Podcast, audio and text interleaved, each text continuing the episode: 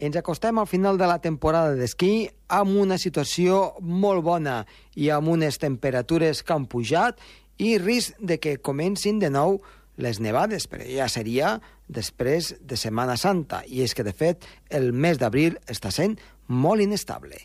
Comença el torn.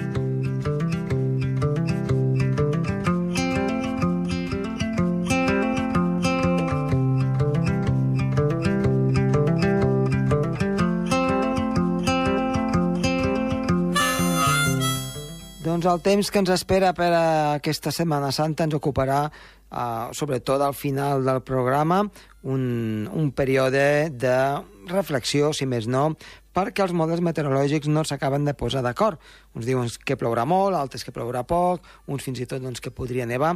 Intentarem entreure una miqueta l'entrellat de tot plegat. A més a més, justament amb Sergi Carcelés farem un repàs del que és el polen per les properes jornades i també parlarem justament dels models meteorològics, passant pel nostre amic i company, en Pere Moliner, que ens parlarà dels universos paral·lels.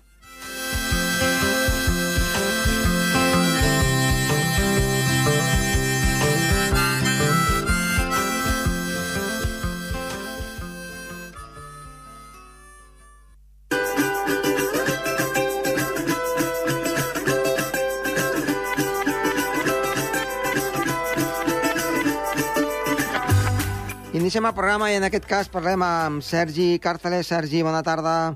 Bona tarda. Què ens portes aquesta setmana?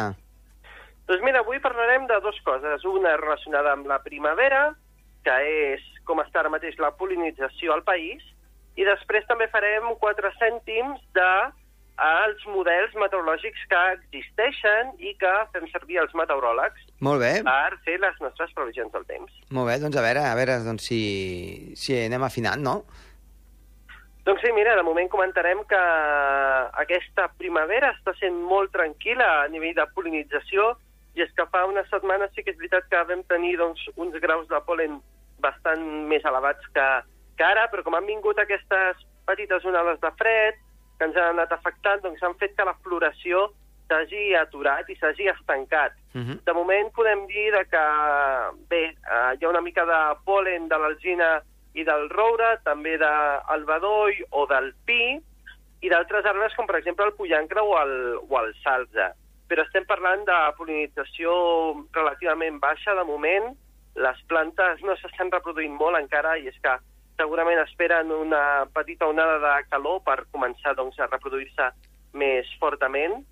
I bé, també doncs, eh, anàvem a parlar, no? de quan, o, o com ho fan els meteoròlegs per saber quan vindran onades de fred, onades de calor, o quin és el temps que, que esperen pels pròxims dies. De moment anem a comentar que, mm. bueno, eh, normalment la gent quan veu els mapes del temps, no?, ja veuen uns mapes temàtics, uns mapes ja fets, en el que únicament hi ha símbols del temps. Uh -huh. Però darrere d'aquesta feina hi ha altres mapes una mica més científics, una mica més tècnics, els quals doncs, permeten als homes del temps doncs, fer previsions eh, dels pròxims dies. De moment, eh, no, ens, no explicarem tampoc molts detalls tècnics, no? però cal esmentar que, per exemple, a Europa hi ha més de 6 models meteorològics i arreu del món més de 15. Estem parlant d'uns superordinadors que fan més de 10 milions d'operacions per segon, i és que, bé, per saber totes les variables que pot comportar el canvi del temps, s'ha necessitat un munt d'equacions matemàtiques, no? Però que, eh, segons el país o segons el model que estiguem fent servir, aquestes operacions que es fan servir són diferents. Eh, com cada un d'aquests models té unes operacions diferents, el resultat també és diferent. Encara que és bastant semblant als primers dies, i sempre tots estan més o menys d'acord, quan ens anem allunyant cap als 4, 5, 6 dies, cada un d'aquests models ja va diferint una mica més, no, no coincideixen tant. Per això molts cops els homes del temps diem que una previsió fiable és fins als 3-4 dies, no més. Eh, hi ha vegades que intentem fer previsions a 7 dies vista, fins i tot 10 dies vista, i una mica és eh, tirar una moneda i dir que ara ho creu, perquè encara, bé, s'ha d'investigar molt en aquesta temàtica i costa, costa dir quin temps farà realment. A mica en mica cada cop es va fent millor, eh? i les previsions són més fiables. Però bueno, anem a comentar uns quants models d'aquests europeus que es fan servir i també d'americans, els quals, sobretot, doncs, la gran majoria d'homes del temps, tu em rectificaràs, val? si fa servir uns altres, evidentment, uh, mm -hmm. doncs fan servir per fer aquestes previsions. El Molt bé. primer, i segurament et sonarà molt, és el GFS, Uh -huh. Un clàssic, eh? Sí. Estem parlant d'un model molt famós, que és europeu, i aquest model el que fa és una previsió, sobretot, a mitjà i llarg termini. Sí que és veritat que és un model que també es pot fer servir a curt termini, però els píxels que es fan servir són bastant grans. Llavors, clar, la zonificació no és tan, no és tan precisa. Aquest model es fa servir per saber pluges i canvis de temps a, a, a 4 a 3 dies vista, però no ens serveix per, bueno, per, per veure concretament on estaran les tempestes formades una tarda. I és que les tempestes, com sabem, són molt més localitzades i es tenen en compte moltes variables, entre elles orogràfiques del relleu, i el GFS això no ho té en compte. Després aniríem a un altre model també europeu, que és d'Arpeix.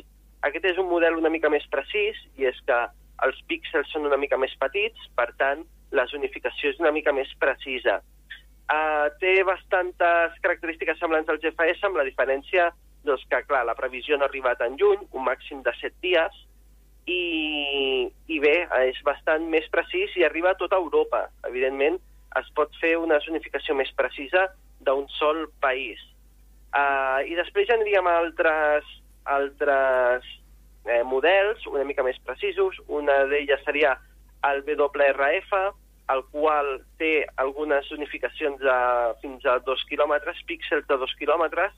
Això fa de que bé, aquests píxels siguin molt petits i siguin molt precisos, però després també hi ha un que ara es fa servir molt, sobretot a, a la meteorologia local, que és el AROM. És Mhm. un model francès, no m'equivoco, Sí? i aquest model eh, té uns píxels molt petits i va molt bé per poder fer eh, doncs una predicció de tempestes de tarda d'un eh, punt concret de, del país. Evidentment, eh, es poden investigar altres coses, també les ratxes de vent, etc. però cada cop és el que estem dient, no? que els models meteorològics cada cop van ser més precisos, la cota de malla cada cop és més precisa, i això fa que cada cop més fàcilment podem adivinar no només per on passarà una tempesta, que és una cosa que encara és relativament difícil, sinó també a quina hora i amb quina quantitat de, de pluja.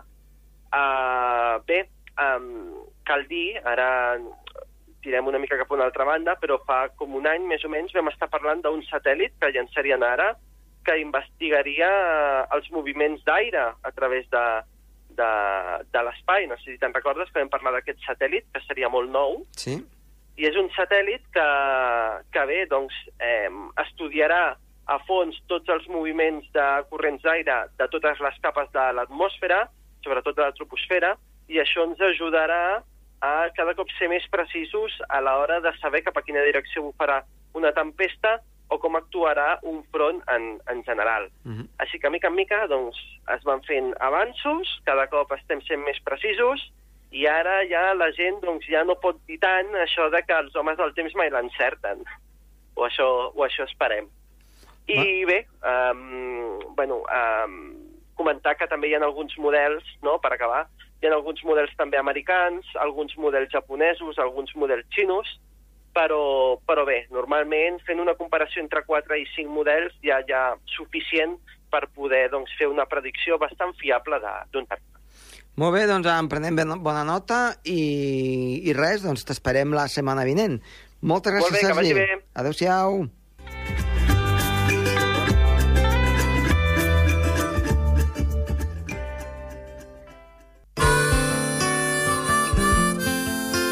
El Torb, amb Josep Tomàs.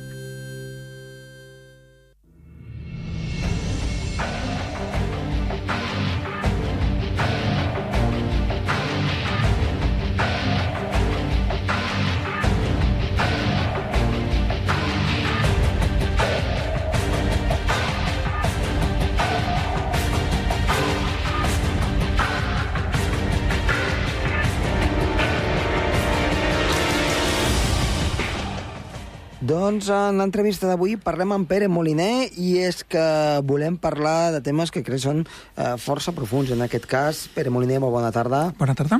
Eh, farem cinc centis, farem una mica de debat sobre els universos paral·lels. Un tema doncs, que ens agrada molt aquí en el programa Torp, a part de parlar del clima, de la meteorologia, també una mica sortir fora del nostre petit planeta i veure què tenim al voltant. Eh, com podíem començar? Perquè és un tema complicat, aquest, eh? Doncs mira, comencem, a, com no sabem com començar, comencem per una de les eh, notícies científiques, eh, debats científics que hi ha hagut eh, darrerament, que és aquesta, aquest objecte, aquest asteroide que deien alguns científics de la NASA, havien dit que podria ser una nau extraterrestre que ve observació, que entra al sistema solar. Mm. No, no, no, no sóc capaç de dir el nom. Et refereixes a l'Ouamama?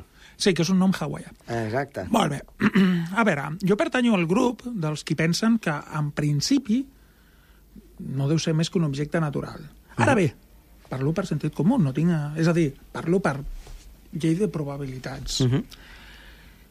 Però no m'atreveixo a dir... Per què? Pues perquè penso que si una civilització... Eh... Perdó.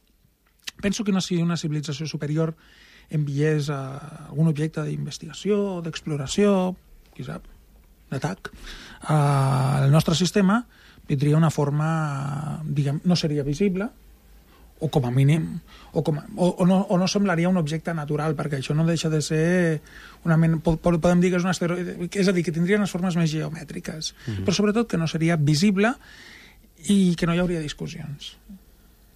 M'entens? Sí. És a dir, que no hi hauria discussions, és a dir, que no hi hauria massa discussions de és, és o no és dir, no, no és. és. Uh -huh. Bé, això per una banda.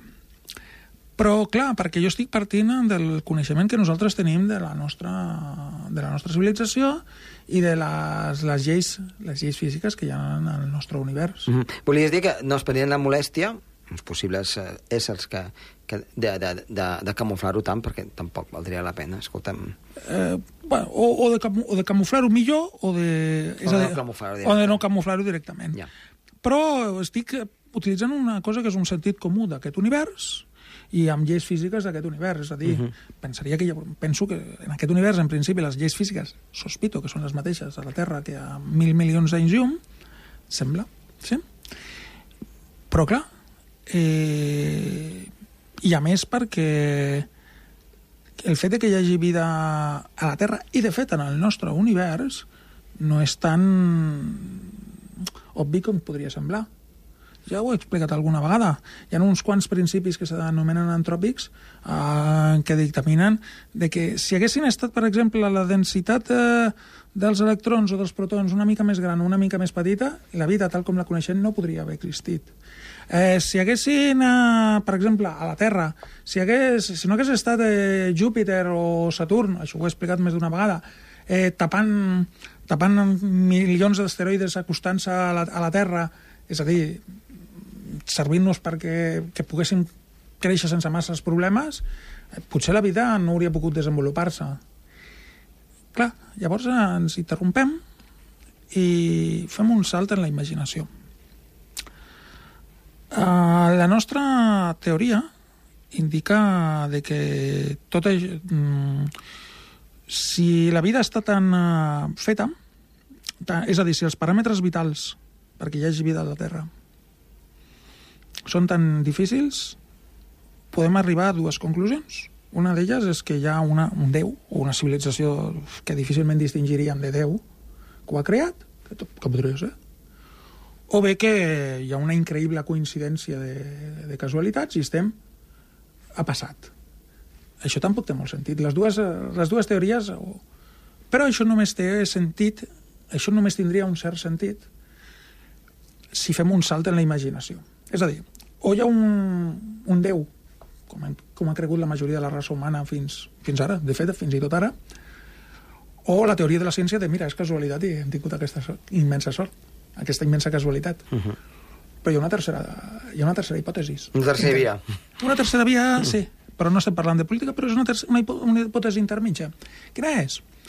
Doncs que efectivament hi ha hagut aquesta casualitat, independentment de que hi hagi hagut certs superiors o no, o independentment, que és casualitat, però que com hi ha hagut mm, milions o bilions o trilions d'universos, és lògic que en un d'ells aparegui, aparegui la vida i aquestes coincidències es donguessin.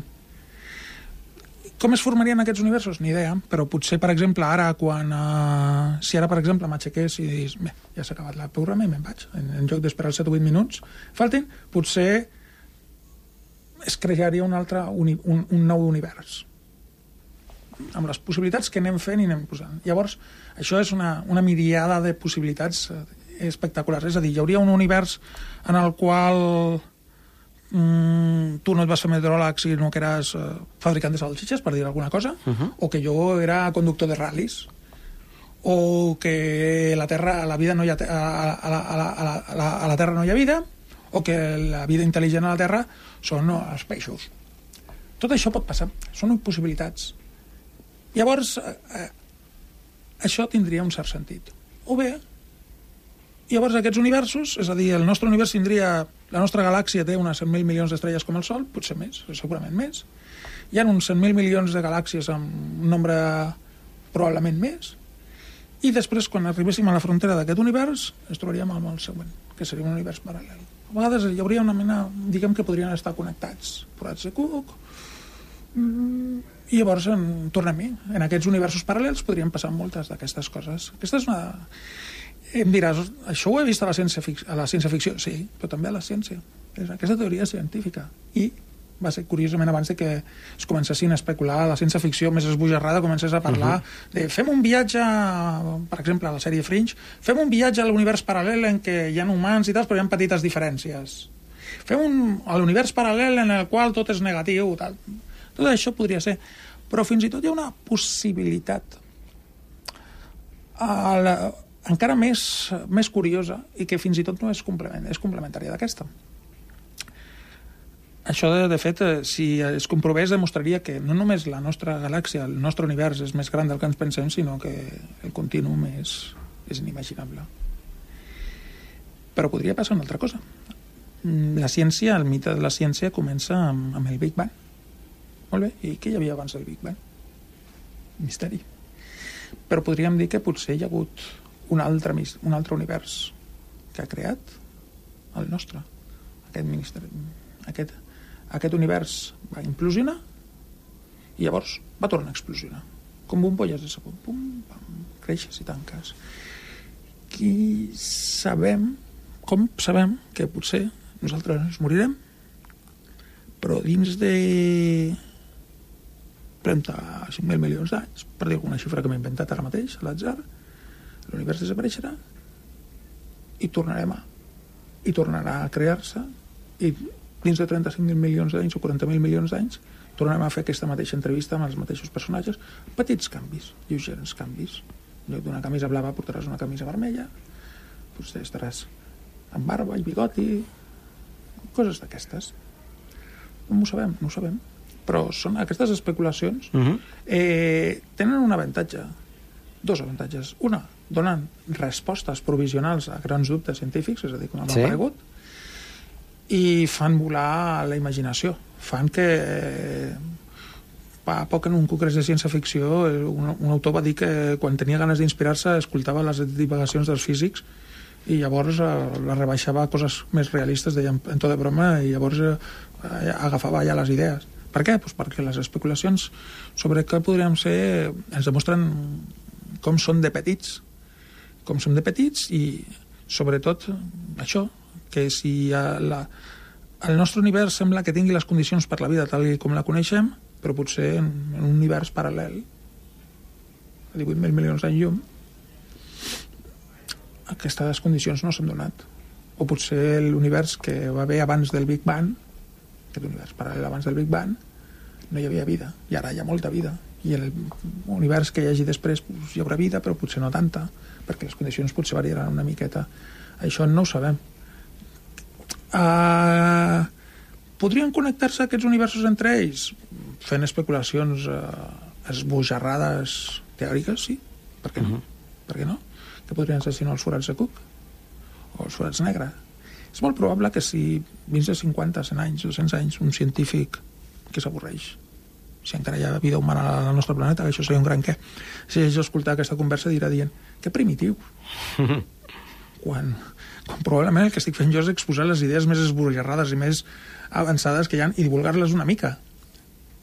Però s'ha de fer. És el, és el que té la ciència, que quan més, com, com he explicat altres vegades, la història, que quan més sabem, més ens adonem del que no sabem i de que som petits, petits, petits, petites cosetes molt fràgils i molt vulnerables davant d'un univers immens que no sembla tenir sentit, ni sembla tenir direcció, ni sembla tenir rumb. Clar, és que és això que dius, eh? de sentit sembla no tenir-ne. A veure, hi ha una explicació... Un físic teòric deia de que físic teòric, Michio Kaku, que m'encanta, que és d'on he llegit algunes d'aquestes especulacions, uh -huh. dir, no són fantasies esbojarrades meves, en tot cas són fantasies esbojarrades o divulgacions teòric. de físics teòrics, és a dir, dins, que, bé. en tot cas, bàsicament perquè no tinc tanta imaginació, així de clar ho dic, doncs deia de que hi ha dos tipus de sentits. Un és el més humà, és a dir, és la millor explicació del sentit, deia dir, en l'univers no té sentit la nostra vida no té sentit, però nosaltres li, podem, li hem de donar el nostre sentit. Fins aquí no, no deixa de ser la teoria liberal o la, vida, la nostra vida clàssica, és a dir, algun sentit li donar a la nostra vida, i deia que hi ha diversos sentits, dir, bueno, fer una feina que t'agradi, treballar, és a dir, treballar en alguna cosa que t'agradi, tenir gent a la qual estimis i que t'estimi, i sobretot sentir-te útil a l'entorn amb el qual estàs. I el sentit de l'univers en més concret probablement siguem aquestes, aquests bitxos petitets, eh, d'això fràgils i que es creuen una mica intel·ligents, que som els humans, perquè som els que li donem a, ajudem a l'univers a comprendre's ell mateix. Mm, ho he dit més d'una vegada, un 95% de la matèria i energia còsmica no tenim ni idea de què és. Li diem l'energia negra i la matèria sí. negra, sí, matèria sí. fosca. Doncs és una bona, és una bona metàfora mm. del que és la nostra existència. Un 95% de les coses, com a mínim, no tenim ni idea de què són. I anem fent especulacions, i anem fent simplificacions, i aquestes acaben xocant amb la realitat. Però la part positiva per la raça humana és que som nosaltres els que li donem significat al cosmos. Som els que l'ajudem a entendre's a ells mateixos. Quin sentit pot tenir això? Doncs pot, podria tenir el sentit, ho he explicat més d'una vegada, de que potser algun dia avancem prou com per conèixer la majoria dels secrets del cosmos i quan aquest estigui a punt de morir, doncs ajudar-lo a reneixer. I així el cicle continuaria. Fins Pere. quan? Ni idea. Eh, aprenem la paraula i continuem investigant, llegint, per veure si entenem una mica més l'entrellat. És complicat, eh? però, però ho intentarem. Pere, moltíssimes gràcies. Moltes gràcies.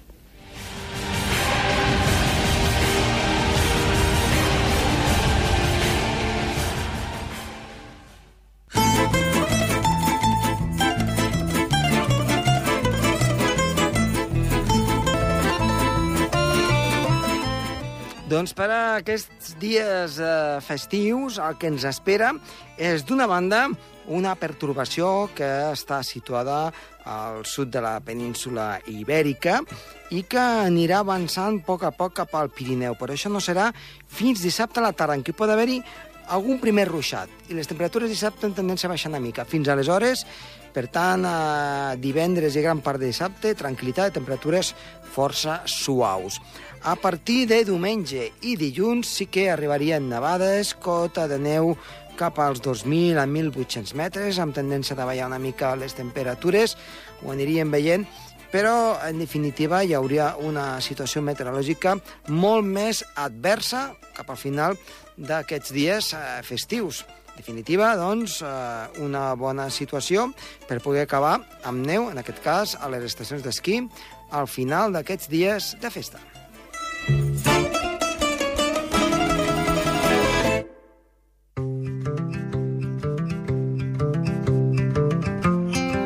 I fins aquí el programa d'avui. Tornem dijous que ve. Esperem que els hagi agradat estar de les vies de so. Oriol Truix i qui us ha parlat molt de gust. Josep Tomàs. Adéu-siau.